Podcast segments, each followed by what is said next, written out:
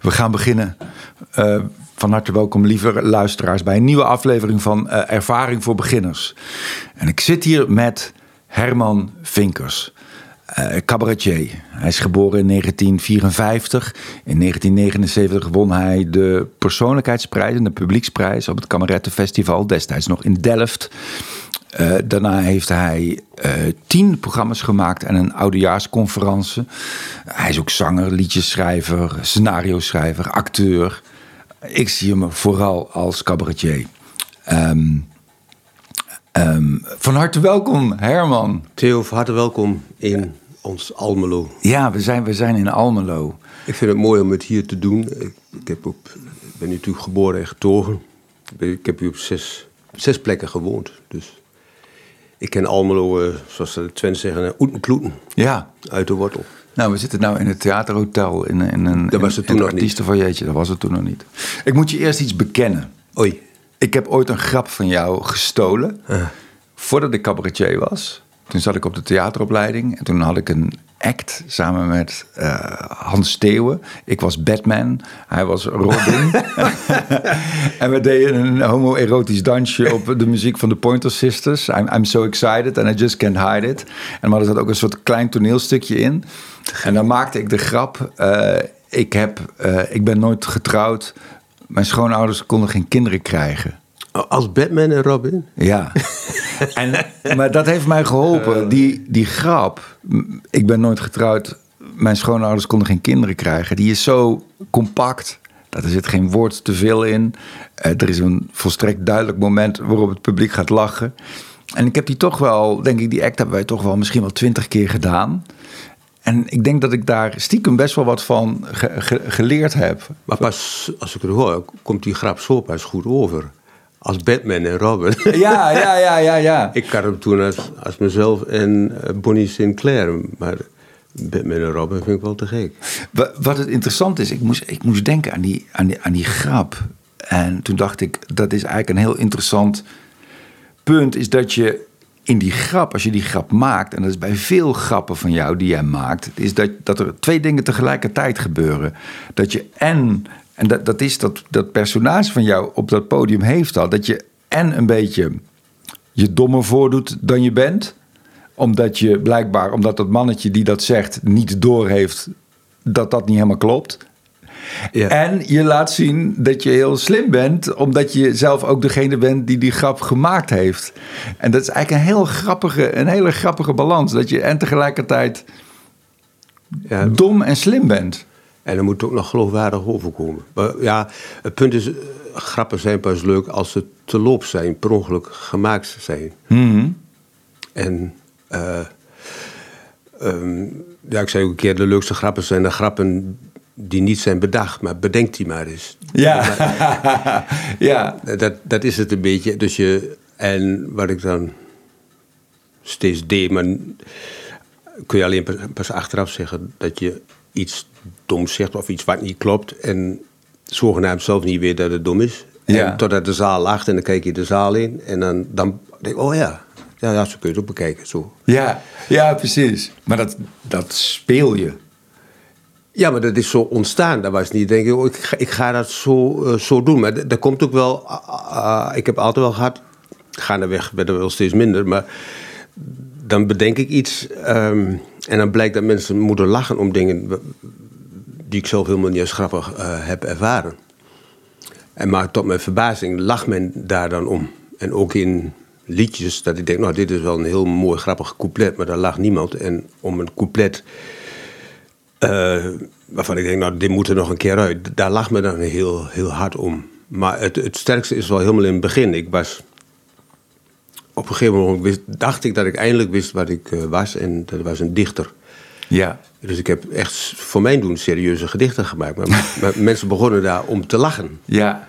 En er zaten ook niet echt duidelijke grappen in. Er was meer, meer het ritme en de, en de klank. Hmm. En uh, tot mijn verbazing ging me daarom lachen. Dus uh, het is ook niet alleen maar van een bedacht typetje. Die, uh, typetje kan ik trouwens ook niet. Nee. Het is al zo sterk dat ik een keer uh, Sinterklaas speelde op een lagere school. Dus dan ben je aardig onherkenbaar met baard en, Mhm. en dingen. En die komt de klas binnen en ik zeg goedemiddag kindertjes. En iedereen in orde Herman Vinkers.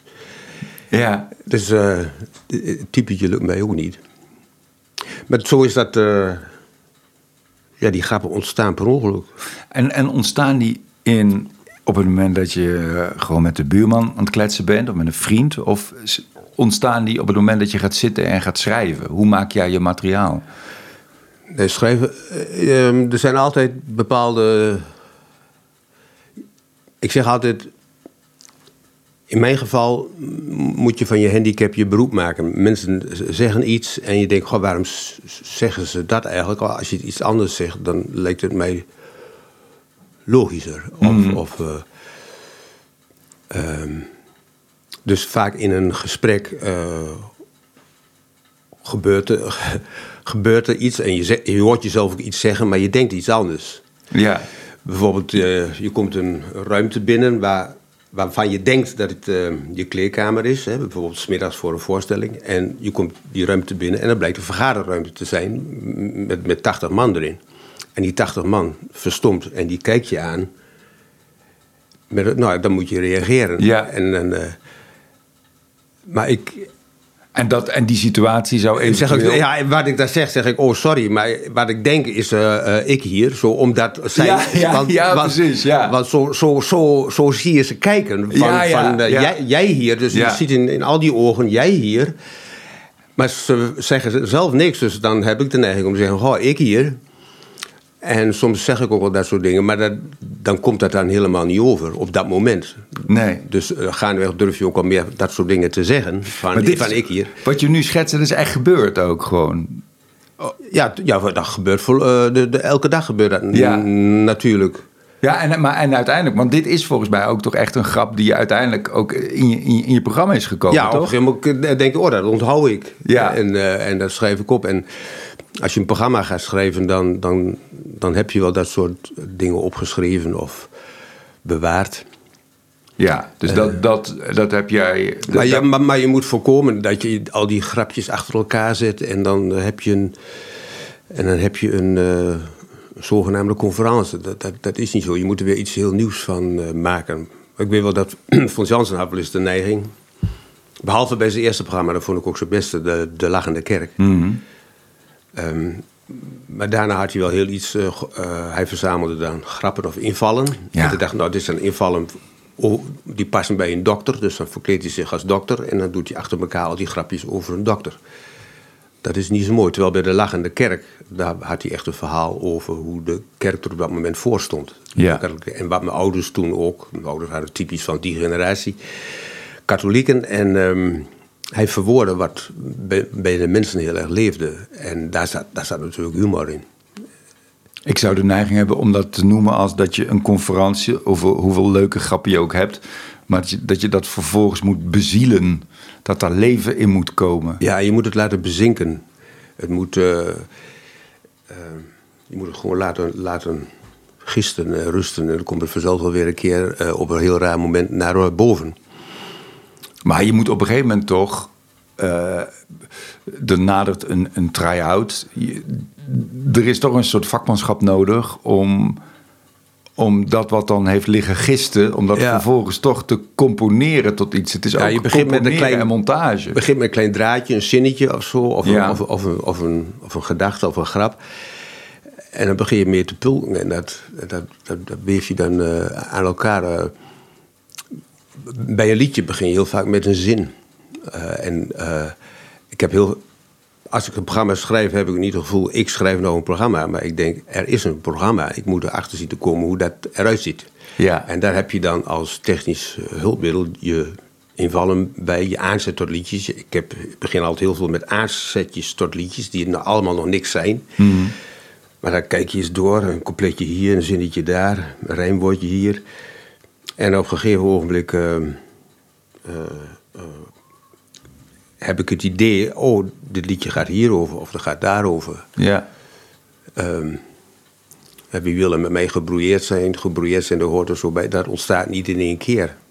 Dat, eh, maar op een gegeven ogenblik kom je erachter met die losse dingetjes die je bedacht hebt. Eh, wie willen door mij gekwetst zijn? Gekwetst zijn kan ook bij mij. gekwetst, gebrouilleerd, hartje bezeerd.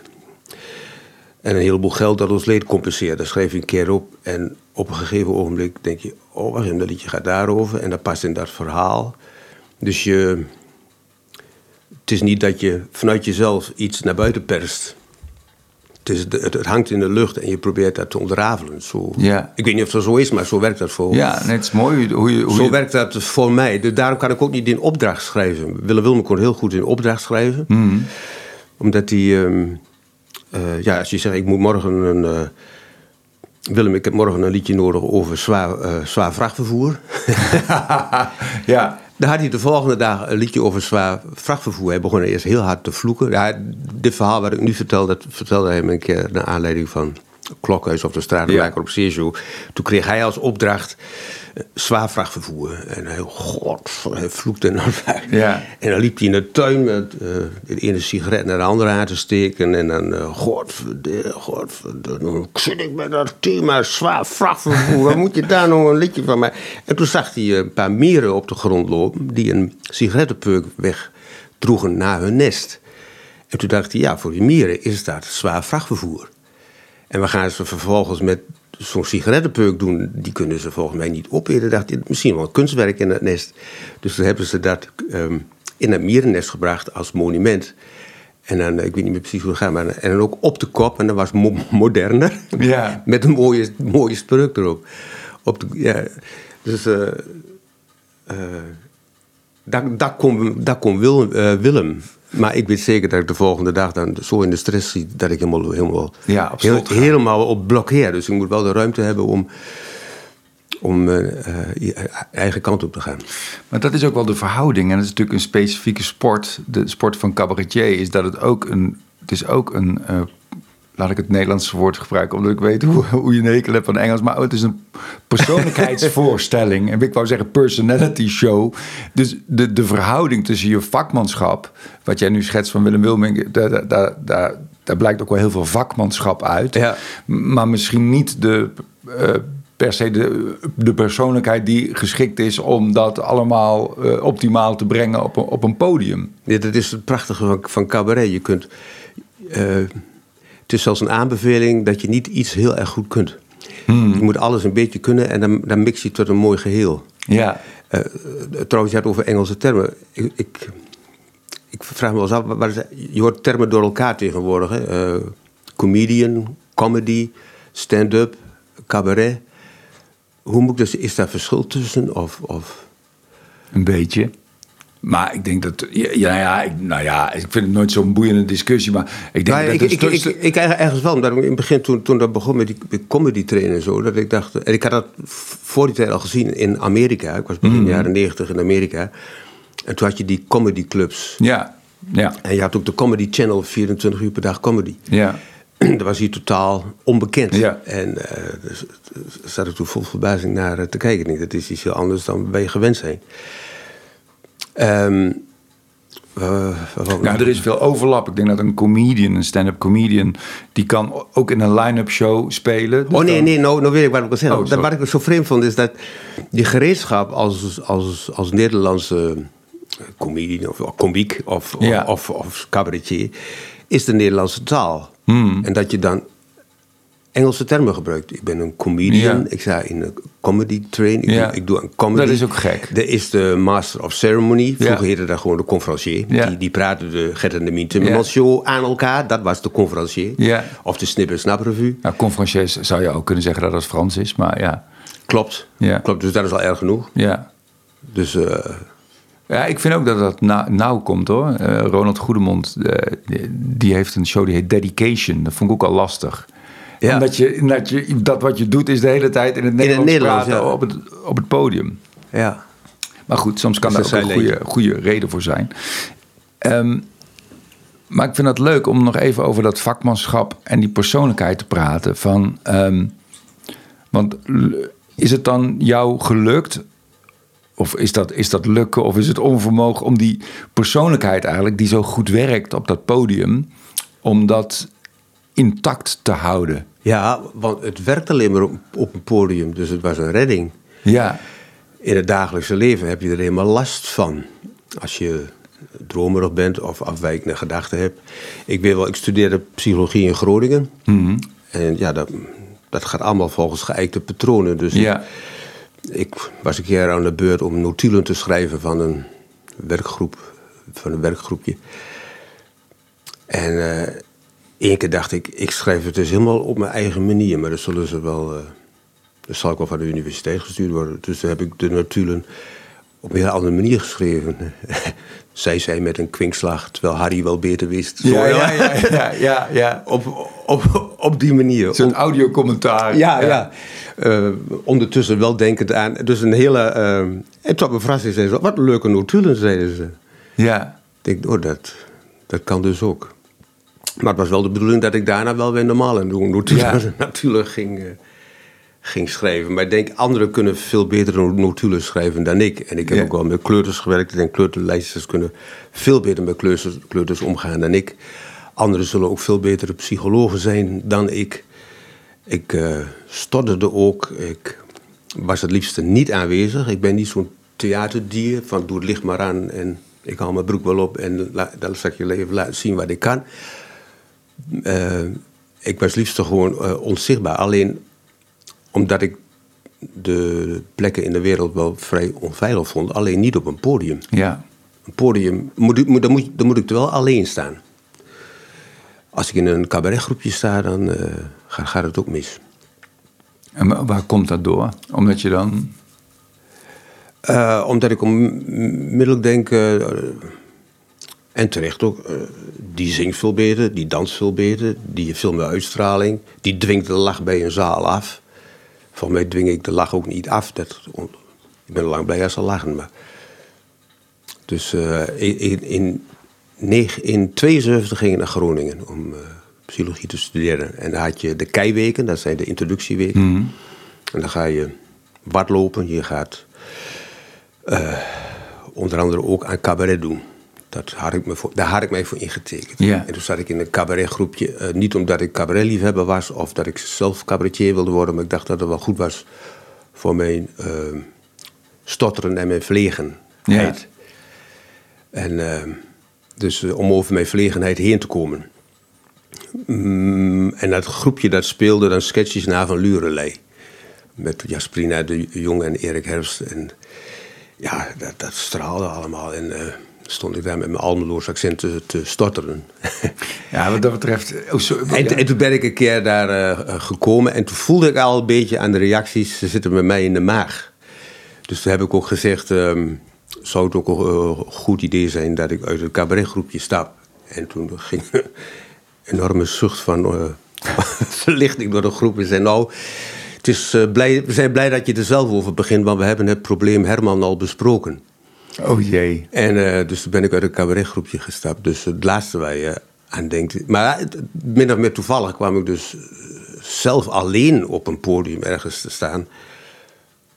En, en toen, toen kun je het op je eigen, op je eigen manier doen. Ja. En, en, en, en dat bleek tot mijn verrassing heel goed te werken. Totaal niet verwacht niet. Maar dat is wel wonderlijk en ook, denk ik, hoopgevend. Ik, ik, ik maak dit ook met in mijn achterhoofd. En ik weet niet of dat überhaupt dat soort mensen luisteren. Maar jonge mensen die ook ambities hebben. Daar zitten ongetwijfeld ook verlegen mensen bij. De- Ja. Mensen die niet meteen in het middelpunt van de belangstelling willen staan. Maar daar wel iets mee willen. Maar blijkbaar is, is cabaret, en misschien kan het ook als singer-songwriter of wat dan ook. Is er ook plek? Is het een, eigenlijk een hele democratische kunstvorm. Waarbij heel veel verschillende soorten mensen toch hun plekje kunnen vinden. Dat is wel Ja, eh, en- goed om te weten. Ja, en, maar eh, ik weet niet of, of de, ja, zo ongetwijfeld nu jonge lui zijn die ze daarin herkennen. Het ging mij er niet om van wat wil ik zelf. En dan helemaal niet van ik wil beroemd worden. Dat leek me juist verschrikkelijk. Want dan ben je niet anoniem. Sta je iedere keer eh, dat ik wilde juist liefst zo anoniem mogelijk zijn. Maar wat bij mij heel sterk speelde, ik wil weten waarom ik hier rondloop. Op aarde. Op ja. aarde, ja. Ja. En eh, ik, ik heb net Willem Wilming genoemd, maar daar heb ik ook een keer gesprek mee gehad. Toen zei Willem Wilming, ehm, vlak voor het einde van zijn leven, van...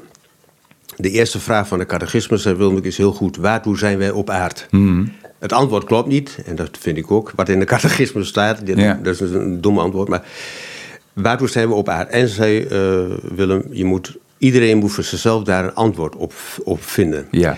En, dat, en ze willen uh, van zichzelf, ik ben op aarde om er een mooi verhaal van te maken. Ja. Dat zei hij. Mooi. En, ehm, en op een gegeven moment, toen ik dat per ongeluk, toen ik er per ongeluk achter kwam dat ik op een podium mensen blij kon maken, dat ze gingen lachen, dacht ik, ik ben op aarde om mensen na een dag hard werken. Dat was dan mijn, mijn metafoor. Ik weet ook wel dat het in werkelijkheid niet voor de meeste mensen anders is. Maar mijn metafoor die, waarmee ik kon werken was... de mensen hebben de hele dag voor te weinig geld te hard gewerkt in de fabriek. Ja. En dan mogen ze s'avonds even, even, even eruit en dan ja. lachen. Dus André Verduin of zo, dat, vond ik ook een, dat leek me een prachtige, prachtige roeping uh, om, om dat te doen. En toevallig kwam ik erachter dat als ik gedichten ga voordragen... dat ze daarom moeten lachen. En dat ze blij, blij, blij weer het café uit, uitgaan. Ik trad veel op in cafés toen. En uh, dus mijn doelstelling was niet wat wil ik en ik wil beroemd worden of hoe zet ik mijn carrière in elkaar, maar waartoe ben ik op aarde? Ik denk, nou, dit is een functie, want als ik dit niet doe, als ik dit niet doe, wat ik hier doe, dan doet niemand dat. Ja. Maar uh, als ik kleurleider ben, ik denk dat je de kleuren zijn plezier mee doet door een andere kleurleider erop te zetten. Dat iemand die psychische hulp nodig heeft, ik denk dat je er beter aan doet door daar een andere hulpverlener op te zetten. Uh, tuinman, er zijn betere tuin, tuin, tuinlieden. Uh, mijn vader wilde graag dat ik de meubelzaak overnam. Die had ik al snel in de gaten. Die zaak is binnen de kortste keren failliet. En uh, mijn vader had een meubelzaak in Almelo. Dus ik denk, ja, maar wat, muziek leek me ook prachtig. Maar ik wist ook wel, ja, conservatorium is voor mij veel te hoog gegrepen. Mm. Dus ja, wat, wat, wat is mijn. Wat, waar, waarom ben ik in godsnaam neergezet. En daar had ik wel iets kleins, kleins kunnen zijn. Toevallig is het dan iets groots geworden met uh, televisie en, en, kranten. Een miljoenen publiek. Ja, maar het had ook ja. een koster in de kerk kunnen zijn. Ja. Alleen, ik had alleen het idee, uh, er zijn veel betere kosters dan ik. Maar je kunt ook het gevoel hebben, ik ben gewoon een perfecte koster. Ja. Of ik... Uh... En die, die ambitie, Herman, om mensen aan het lachen te maken... Um, is die intact gebleven of heeft die zich verbreed of verdiept? Nou, die verandert wel veranderde wel. Op een gegeven moment, uh, ik had de mensen heel hoog, hoog geëerd pu publiek. Mm. Maar op een gegeven moment weet je ook wel, uh, ja, er zitten ook uh, klootzakken tussen. Ja. dus, en op een gegeven moment is er wel veranderd dat ik denk, ik wil gewoon een heel mooi programma maken. Ja. ja dus die omschakeling was eigenlijk, wat mij betreft, bij... de eerste omschakeling die ik maakte was heel sterk tussen het eerste en het tweede programma. Het eerste programma was echt poëtisch, allemaal gedichten. En bij het tweede programma dacht ik al, uh, ja, als ze me toch aankondigen als cabaretier. Want ze kondigen mij op een gegeven ogenblik aan als cabaretier, terwijl ik mezelf helemaal niet als zodanig zag. Ik denk, cabaretier, ik ben toch geen cabaretier? Ik ben toch een dichter? Maar toen zeiden ze, ja, maar ze, uh, ze lachen erom. En als, als het om te lachen is, dan ben je ca ja. cabaretier. Ja. Toen dacht ik, oh, dat is wel mooi makkelijk, dan hoeft het ook niet meer te rijmen. Ja.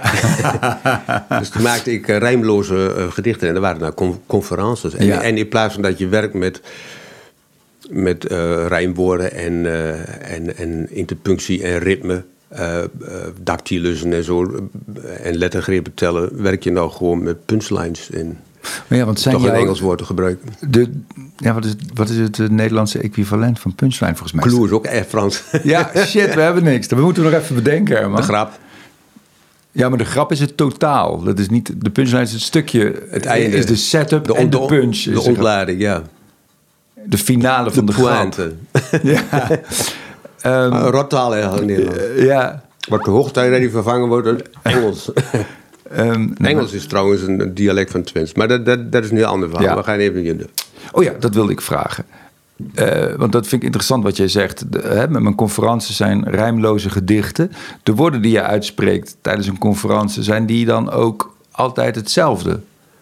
In het begin niet. De, de, de, de, de, try-outs in het begin zijn per avond vaak heel erg verschillend. Maar ik bedoel, hetzelfde verhaaltje formuleer je dan net even iets anders? Nee, ik, ik gooi wat dingen heel erg door elkaar. Maar op een gegeven ogenblik zet het zich. En dan doe ik wel exact hetzelfde. Tenzij Ja. ik, uh, ja, Zo voelt het ook. Uh, dat het heel precies en heel gekozen is. En dat er op een gegeven moment ook geen beter woord denkbaar is. Als Ja, ik praat je- op het podium zit Ja. ik toch ook wel een beetje op ter plekke ook wel te formuleren. Hoor. Ik heb het niet zo strak als jij, geloof ik. Nee, maar uh, je bent ook goed in improviseren. Je hebt met, met Pieter Bouwman veel geïmproviseerd. En met Hans. Hmm. En uh, ik denk niet dat ik dat zou kunnen. Ik, zie, Maar ik vind dat wel heel knap hoor. Ik heb, Pieter Bouwman die is, ja, heeft het omgekeerde. Die kan heel goed eh, improviseren. En die heeft moeite om elke avond hetzelfde Ja. eh, eh, maar ik bedoel niet alleen improvisaties. Ik, probeer, ik bedoel ook in een bestaande conferences. In, in, in een bestaande conferentie ga ik ook soms ook op een net iets andere manier van A naar B. In een, in een zin. Ja. Dat, dat ik toch, omdat ik het denk ik, ik doe dat denk ik, omdat ik het daardoor makkelijker vind om eh, er leven in te blazen en de suggestie te wekken dat het ontstaat in het hier en nu. En dat als het helemaal hermetisch is en elk woord staat waar het staat, dreun je het meer op. dat risico bestaat. Ja. Ja.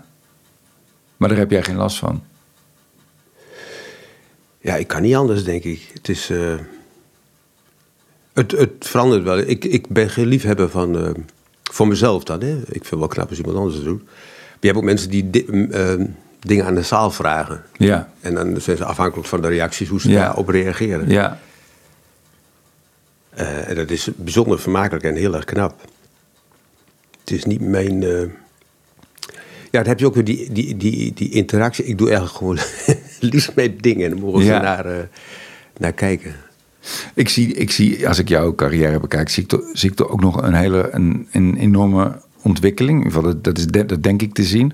En dat is in, eh, tussen kalm aan en rap een beetje en na de pauze. Ja, dat was de tweede. Ja, de eerste snit was dus het eerste tweede Ja. programma, zei ik net. En de andere was uh, Kalmaan. En, eh, ja, je hebt dan Ja. zeven jaar, als ik het goed heb, niet gespeeld. Zeven, acht jaar niet gespeeld.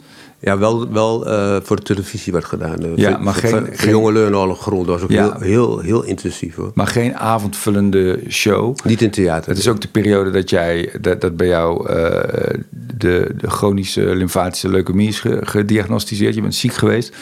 Dan kom je terug met na de pauze. Ik, ik heb dat live gezien in Eindhoven. Ik vond het een magistraal programma. En ik heb het nou ook weer gisteren ook weer zitten luisteren. En dan denk ik toch ook dat, daar, eh, dat er veel is gebeurd. En dat je. Ik, ik geloof ook wel in een soort rijpingsproces van een artiest. En dat naarmate je ouder wordt, dat je ja, rijp wordt of rot wordt. Of het ligt er maar net aan. Ik vind dat je daar op een hele mooie manier eh, gerijpt bent. En dat je eigenlijk ook veel meer nog naar jezelf laat kijken. En meer dingen van jezelf ook Ja, ik, laat zien. Ja, eh, wat in het begin een bevrijding is, eh, op zo'n podium staan, dat wordt door de herhaling en door de verwachting, ja, de volgende, derde programma, vierde programma, vijfde programma, wordt dat juist het omgekeerde. Er moet weer een programma komen en ik weet nog dat ik hier in Almelo een kamertje zat boven eh, te schrijven en ik denk, ach jee, eh, ik moet over twee maanden een programma hebben. En ik heb nog bijna niks. En dan word ik gebeld. Ja, de kaartverkoop gaat heel erg goed. Mensen Ja. staan... eh, er is zelfs een tijd geweest... dan stonden ze met caravans te overnachten... voor de, voor de kassa in, in Hogeveen en Groningen. En eh, eh, toen ging de kaartverkoop nog heel anders dan, dan, dan nu. En de mensen hebben het heel gezellig. Ze hebben een kampvuur. Ze zingen liedjes voor jou. En ze hebben er allemaal heel veel zin in.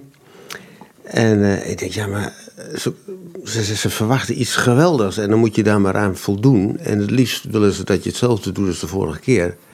Terwijl dat heb je de vorige keer al verteld. Dus dat, dat, dat loopt dood. En ik had het al vooral bij eh, schrijven van kalm aan en rap een beetje, dat ik niet. Dat ik er enorm tegenop zag om weer zo'n programma te schrijven. En dat ik het ook.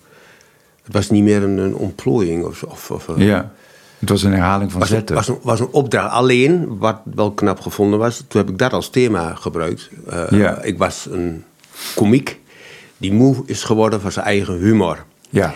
En dan kun je de meest flauwe grappen debuteren, want mensen lachen en zeggen: Ja, u vindt het leuk, maar ik hoor hem morgen weer. Ja. En dat is, dus toen kwam ik op gang. En het programma heet ook, ook kalm aan en rap een beetje. En ik trok me terug op de Vaalseberg in Limburg om een beetje te ontspannen. Dus een beetje van een afstand kijk je Ja. dan op, op, op, op, Ja. op alles neer. En dan denk je, waar ben ik toch eigenlijk mee eh, bezig? Dus toen kwam dat programma er wel. En dat was in die zin ook wel echt. Maar eh, je moest, ik moest wel echt helemaal breken, stoppen.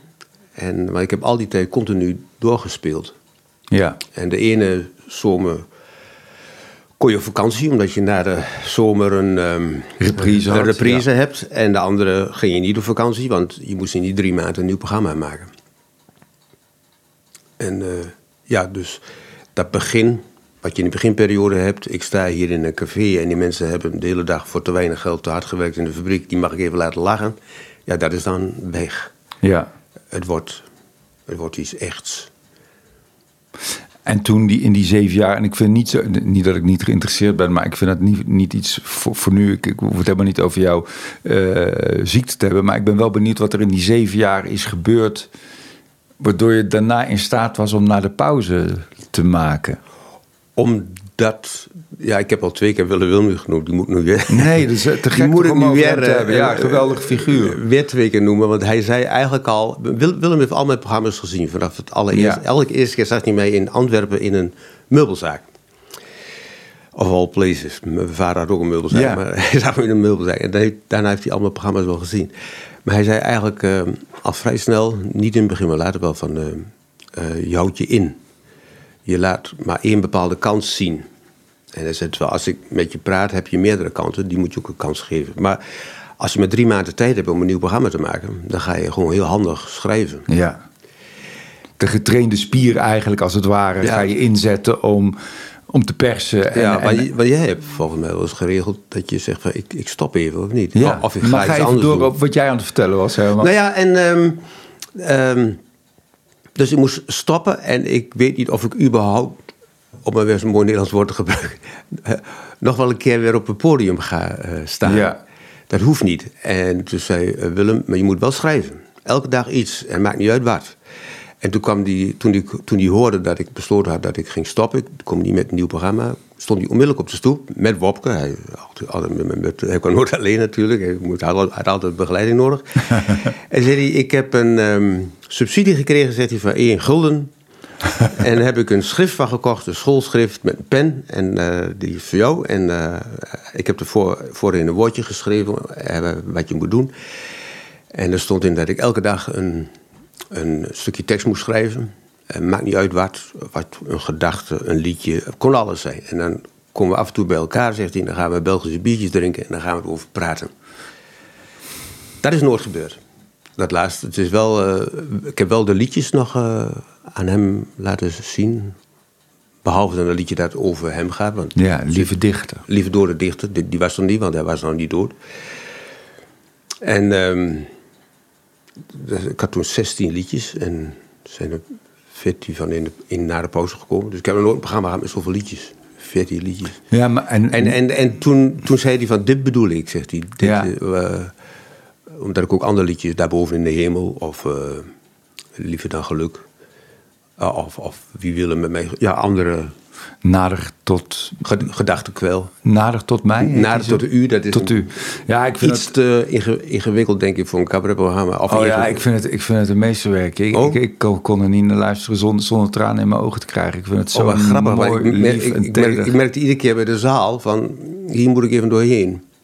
Och, ik, heb, ja, ik heb het afgelopen dagen eh, minstens tien keer geluisterd. Eh, ik, ik, vind, het- ik vind het zo lief en zo, zo, zo teder. En Oh, het gaat een kant op wat niet mij... Hè, het wordt ook een beetje met... met eh, maar ik, dat doet er helemaal niet toe. Ik, ik verlang ook niet naar verhaaltjes die overeenkomen met hoe ik voel of denk. Nee. Maar ja, ik, vind, ik vind dat echt een... Ik vind dat een meesterwerkje echt. Oh. Eh, Het is, eh, ja. Ken je de tekst uit je hoofd? Nou, ik, ik, eh, ik droomde van mijn vrouw. We lagen dicht bij elkaar. Nee, Dicht tegen elkaar aan? ja, ik droomde van mijn vrouw. We lagen dicht bij elkaar in ons bed. In die droom die ik al dromende voor waar hield. Toen werd ik wakker in ons bed. Naast mijn vrouw. En de droom leek iets dat ons alleen maar uit elkaar hield. Straks mag ik dood. Dan word Ooit mag ik dood. ooit mag ik dood. Dan word ik opnieuw gewaar dat ik aan het dromen ben. Nee, dat ik weer minder aan het dromen Ja, minder aan het dromen ben. Ja. minder aan het dromen ben dan in die droom. Nee, Nee, dan in de werkelijkheid. de werkelijkheid. Ja, eh, en nog, nog dichterbij zal zijn. ja. In ieder geval, dat is de kern van... Ja, ik vind het een soort... soort ja, ik vind hem heel mooi. Ik vind Nou, dat, was, dat, was, ik, dat gebeurde ook. Ik droomde dat ik naast... Mijn vrouw heet Hetty. Ik droomde dat ik naast Hetty in bed lag. En toen werd ik wakker. En ik goh, heb ik ook weer gedroomd. En toen lag ik bij haar in bed. En, maar als je droomt, is dat de werkelijkheid. Hmm. Maar als je één keer in die andere werkelijkheid zit, is dat een vergissing. Dat heeft heel, helemaal niet bestaan. Want Ja. het was maar een droom. Dus dan denk ik, ja, maar straks ga je door, dan word je misschien wel, misschien wel weer wakker. Ja. In de grote werkelijkheid. Dat denk zou je, kunnen, Dan denk ja. god, het leven was alleen maar een nachtmerrie. Ja, ja.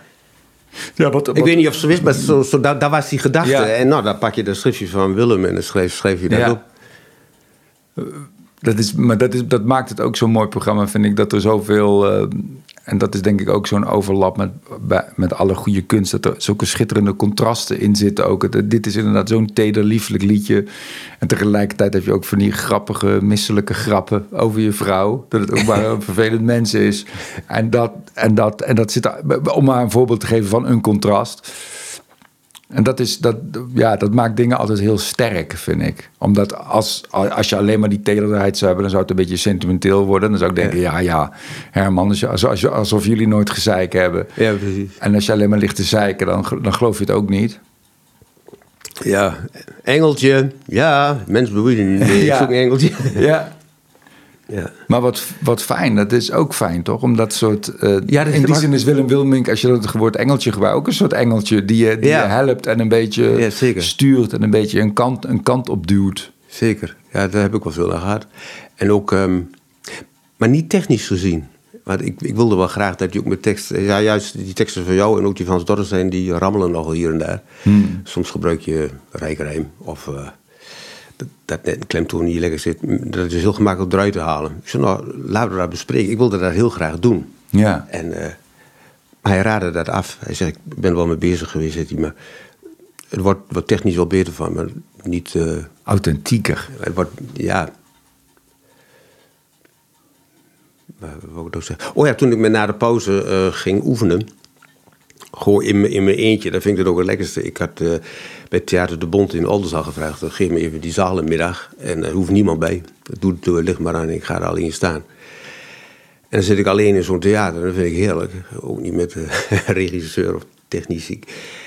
En dan, eh, dan voel je die zaal. En in mijn hoofd ben ik bezig. Dit verhaal ga ik daar vertellen aan de piano. Dit hier. Of ik zet de piano daar neer of daar neer. En toen op een gegeven moment merkte ik dat ik ontroerd raakte door de vorm van theater. Ik denk, eigenlijk is theater toch wel ontroerend mooi. Dat je gewoon een gebouw hebt waarin je een hele andere wereld neerzet. En dit is van jou, dit, of van het gezelschap, een, een, vierkante plek met doeken. Je kunt de, de doeken omhoog halen, je kunt ze laten zakken, je kunt er andere doeken inzetten, een projectie erop. Wat je wilt, je kunt daar een hele eigen wereld maken.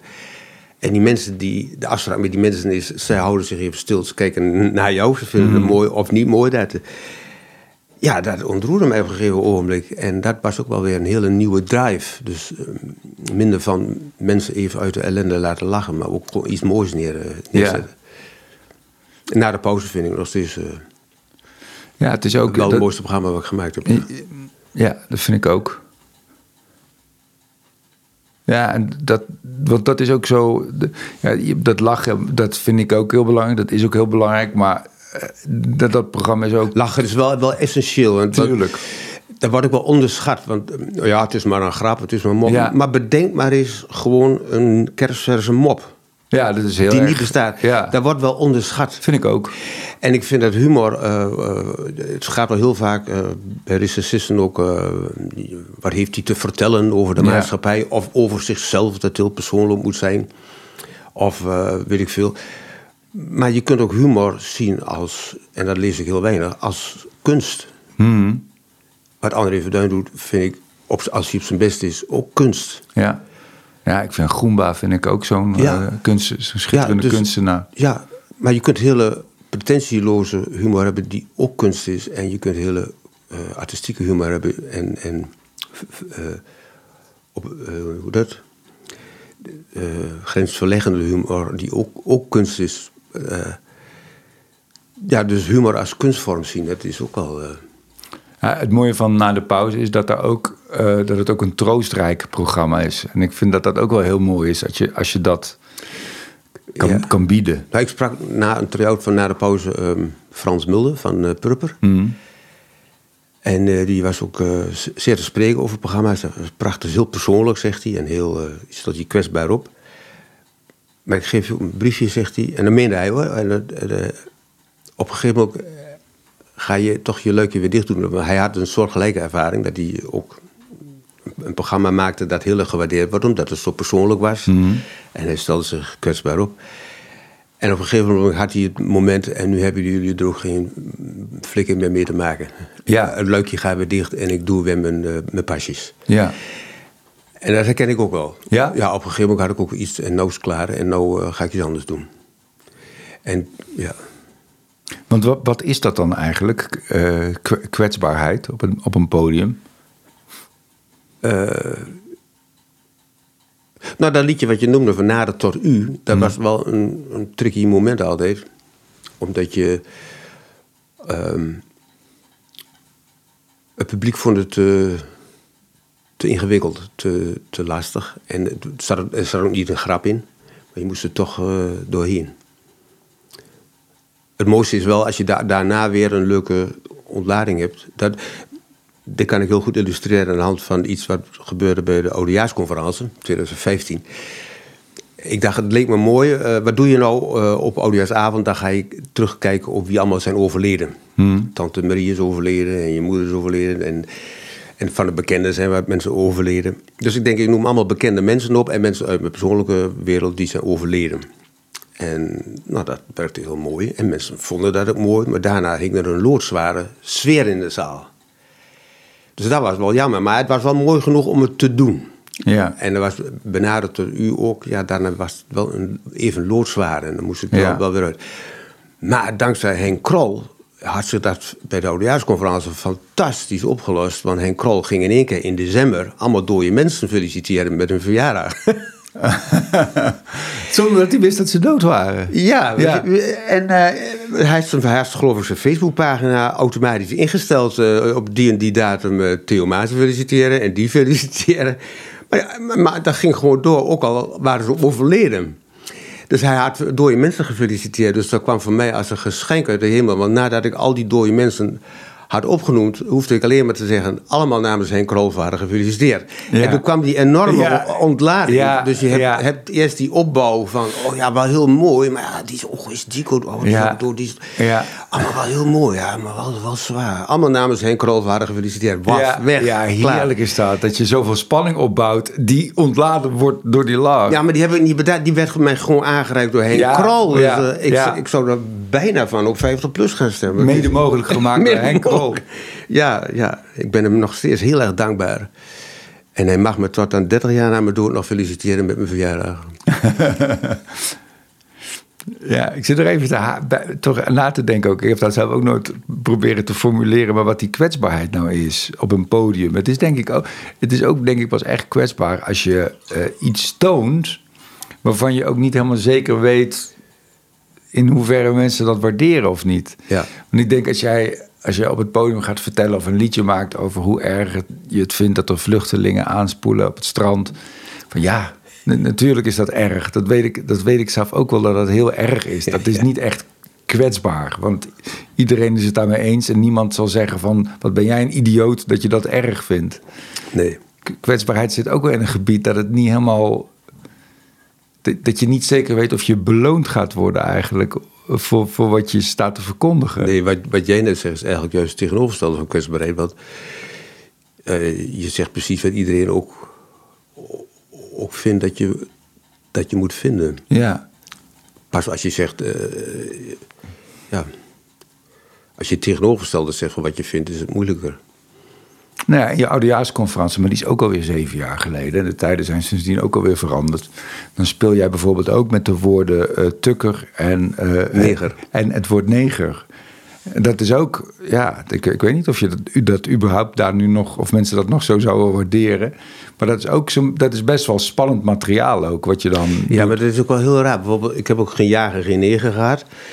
Um, dat werd ook. Uh ook op gereageerd, ja, dat zou nou niet meer kunnen. Ik denk juist, juist wel, want uh, die inleiding zie je dan vaak op YouTube er niet bij staan. Maar ik zeg, toen speelde heel erg de, de actie uh, racisme voor je het weet, ben je zelf aan de beurt.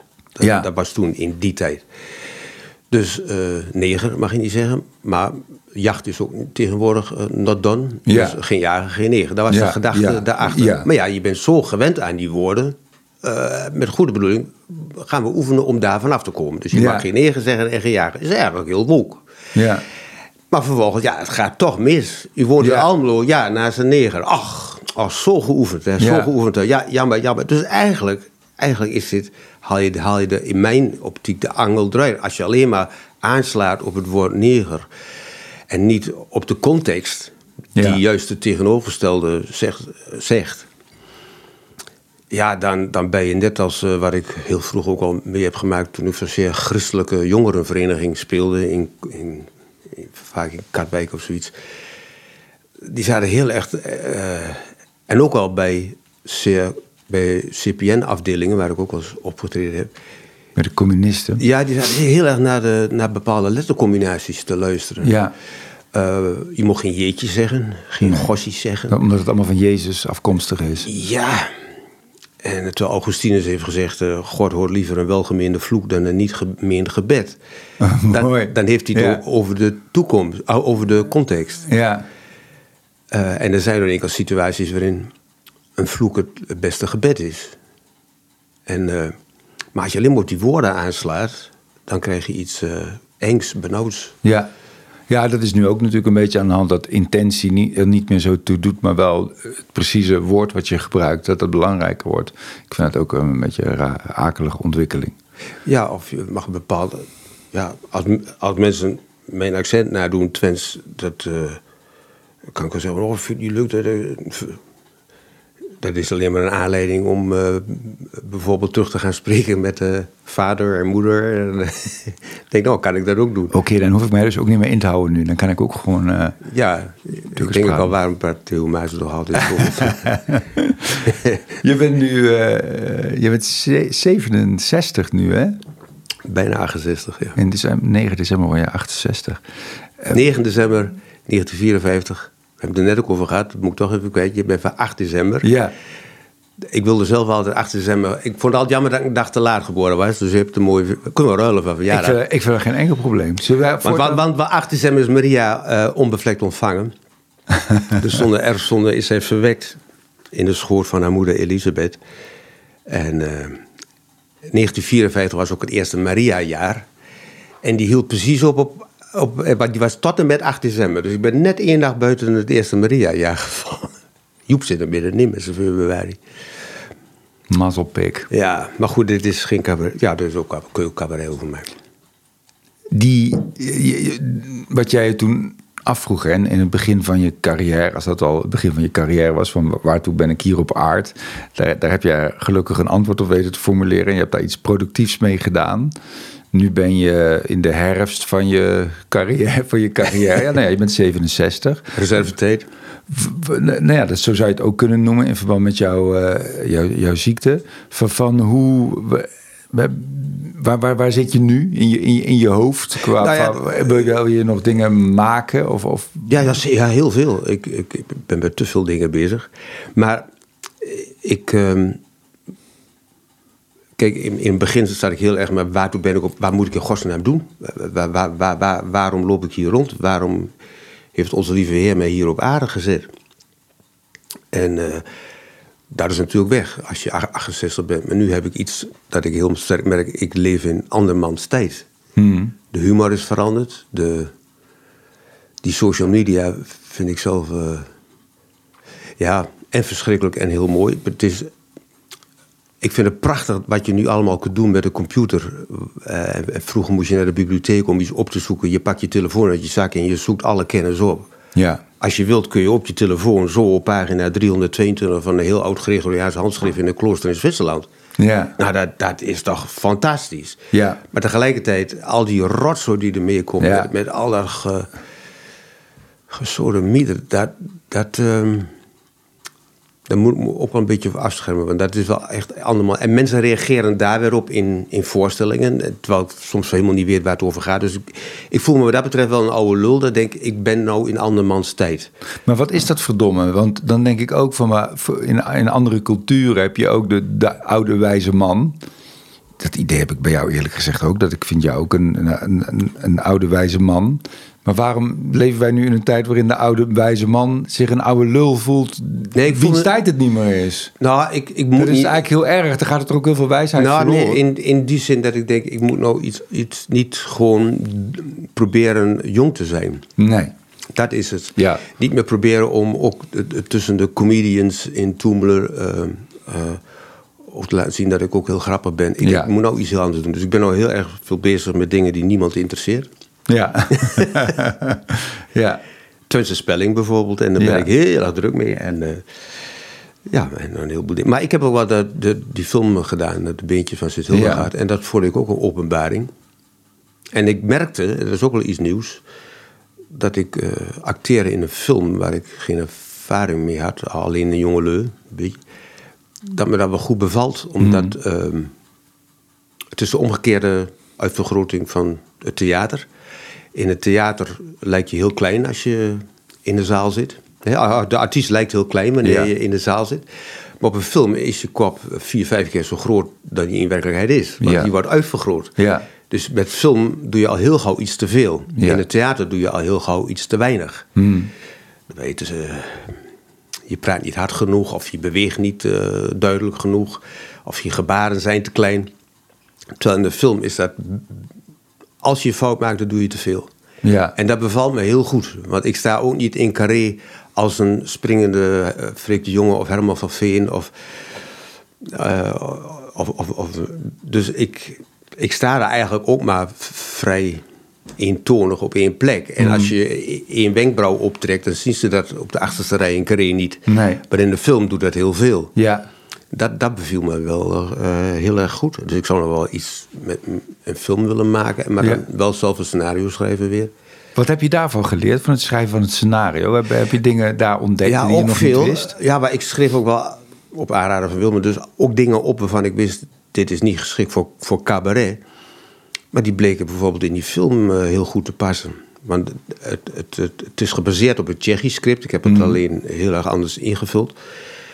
De, al die dialogen en die scènes. En ik denk, ik heb een inkijkje in een huwelijk nodig. En ik had verschillende dingen opgeschreven die daarop sloegen... of die daarop zouden kunnen slaan. Dus toen kwam het ook al vrij snel allemaal uit. Uh, bijvoorbeeld zo'n scène dat we zitten te scrabbelen. En er wordt aan Jan, dat ben ik dan, aan Jan wordt iets gevraagd. Maar voordat hij antwoord kan geven, geeft iemand anders antwoord. Dan vraagt weer iemand anders iets en dan geeft weer iemand anders. Dus iedere keer wil Jan beginnen te praten, maar iemand anders geeft antwoord namens Jan. En um, dat heb ik ook echt meegemaakt. En als zoiets gebeurt, dan zit ik zo in elkaar dat ik niet denk van... Uh, hè, waarom laten ze mij niet uitpraten, potverdikkie. Maar ik denk, dit is een mooie scène voor een film. Maar ja, ik was niet, geen film aan het maken, maar ik schreef ze wel op. Ja. En toen dacht ik later, het zou nog mooi zijn als daarna die vrouw tegen hem zegt... Uh, je had iets meer je mond open kunnen doen vanavond, want er kwam geen stom woord uit bij jou. Dat is mooi, in de film is dat een klein mooi grapje. Ja. In een, voor cabaret is dat lang niet vet genoeg. Ja. Van de andere kant bedenk ik ook wel eens grappen die zijn lekker vet. Bijvoorbeeld... Uh, um, Waarom zou je geld uitgeven aan een dakgehoor terwijl je zelf er nog nooit in zit? Hè, of, of van die schoonouders. Maar die is voor, voor een film veel, veel te vet. Ja. Dus, dus, uh, dus je kunt ook. Ja, je kan denk ik in een film veel meer een situatie schetsen. Die kun je helemaal spelen. Ja, en, en hele kleine grapjes zijn in een film heel leuk. Ja. Uh, vaak ook wat herkenbaar. Maar uh, cabaret moet veel ab ab absurder zijn. Of je moet een soort Monty Python film maken. Dat, ja. dat, kan natuurlijk ook. Maar het is er ook, ik, ja, ik vind dus, sorry dat ik een, twee woorden Engels ga zeggen, maar dat is, vind ik wel ook een schitterend begrip. En dat is in films, en maar ook op het podium vaak waar ik zo voor val. Dat is de, de beautiful loser. Mm. Dat is die Jan in de film ook. Het is, ja, het is een. Ja. Het is een sukkel, maar wel een, een, een schitterende uh, sukkel. Waar je mee vereenzelvigt. Precies. Dat, dat is zo raar, dat in allerlei... En dat denk je, valt met mij nog wel mee als je in de zaal zit. Ja, ook. Maar dat natuurlijk in het, in het echte leven... En, en mannen hebben die neiging misschien nog wel meer... omdat die een beetje zo macho zijn... dat je zo je best doet om een winnaar te zijn... terwijl ja. dat, daar, zit, daar zit het hem nooit of zo. Dat, dat maakt iemand... Uh, uh, in ieder geval uh, theatraal gezien nooit interessant. Nee, want ik kreeg toen eh, twee prijzen voor het scenario op het Nederlands Filmfestival. En toen, ehm, toen, zei, ik, toen zei ik toen... ehm, bedenk, als u geen prijs hebt gewonnen vanavond... eh, de mooiste films gaan nooit over winnen... maar altijd over Ja. iets, iets verliezen. Ja, En dat werd toen eh, de quote van de dag. Ja. dat vond ik wel grappig. ja, En dat, dat is natuurlijk ook zo. Ja. Het, het gaat ook, ook opera gaat over iets verliezen. Ja. Romeo en Julia die krijgen elkaar net niet. ja. Amerika is, die kan daar niet tegen, die is daar alle- eh, allergisch voor. Ja, de American Dream, ja. Ja, er moet altijd weer. eh, ik heb een keer een film gezien met Meryl Streep en, en nog een man. Een hele mooie film, ook over een huwelijk. En dat huwelijk dat liep niet. En je denkt, god, dat huwelijk zit zo vast, hoe lost zich dat op? En in één keer, als een duveltje uit een doosje, kreeg ze een hele goede the- the- therapeut. En dan gingen ze trouwen en dan gingen ze op huwelijksreis. En dan- ik denk, gadverdamme. Ja, een heel sterk voorbeeld daarin is eh, eh, de boekverfilming van Tim Krabbe van Het Gouden Ei, waarin Johanna Terstegen speelt als jonge meid. En dat gaat over een kerel die een vrouw eh, begraaft en weghaalt Oh ja, bij een ja, tankstation. ja, spoorloos. Spoorloos heet hij. En er is een Amerikaanse remake gemaakt. En dan, lo- dan loopt het goed af. Zodat er eigenlijk helemaal geen film is. Want de nachtmerrie Nee. van Spoorloos is dat hij... Uiteindelijk mag hij eh, weten waar zijn vriendin is. Maar dan moet hij zelf het meemaken. Dus het einde van de film niet? is Nee. dat hij zelf in die Ja. kist ligt... en met, met een, met een, met een eh, Ja. aansteker ziet. En ja, echt een nachtmerrie is dat. En, Ja, ja, ja, George Sluizer, ja. Ja, ja nou ja, ik, ik, ik, ik kom dan altijd heel blij uit zo'n bioscoop als dat zo eh, gedaan wordt, omdat ik iets heel mooi, een mooi verhaal gezien heb. En, en, en als het dan. Als het dan met veel gedoe zo happy end daar aangebreid wordt, dan word ik helemaal niet happy. Om, om maar toch maar Engels te gebruiken. Nee. Want dan, eh, ja, dat, dat vind ik afknappen. Melancholica van eh, Lars von Trier Lars. In het begin zie je al wat op het einde gebeurt. Namelijk, de aarde wordt opgeslokt door die, door die, door die planetoïde of zoiets. Die, die wordt er daar helemaal door opgeslokt. Dus je weet hoe hoe het afloopt. Ja. best af. En dan komt die hele film en die, eind- die loopt ook zo af. Ja. Ja, geweldig. Maar er zijn mensen de, de bi- bioscoopzaal uitgelopen toen. Dus ze eindigen met Lars von Trier. Ja, hadden we, hadden we er ook van tevoren die kunnen bedenken. Nee, twee komieken bij elkaar en dan krijg je het einde van de wereld. Nou ja, dat is natuurlijk wel deze tijden, hè? Met het, eh, de duim van Poetin aan de knop. Zie, zie je het somber in? Eh, ja, nou ja, het is, het, het is, het is wel tricky nou. Ach, Engels is eigenlijk best wel mooi. Toch? Thank you man for Yes, everything. you're welcome.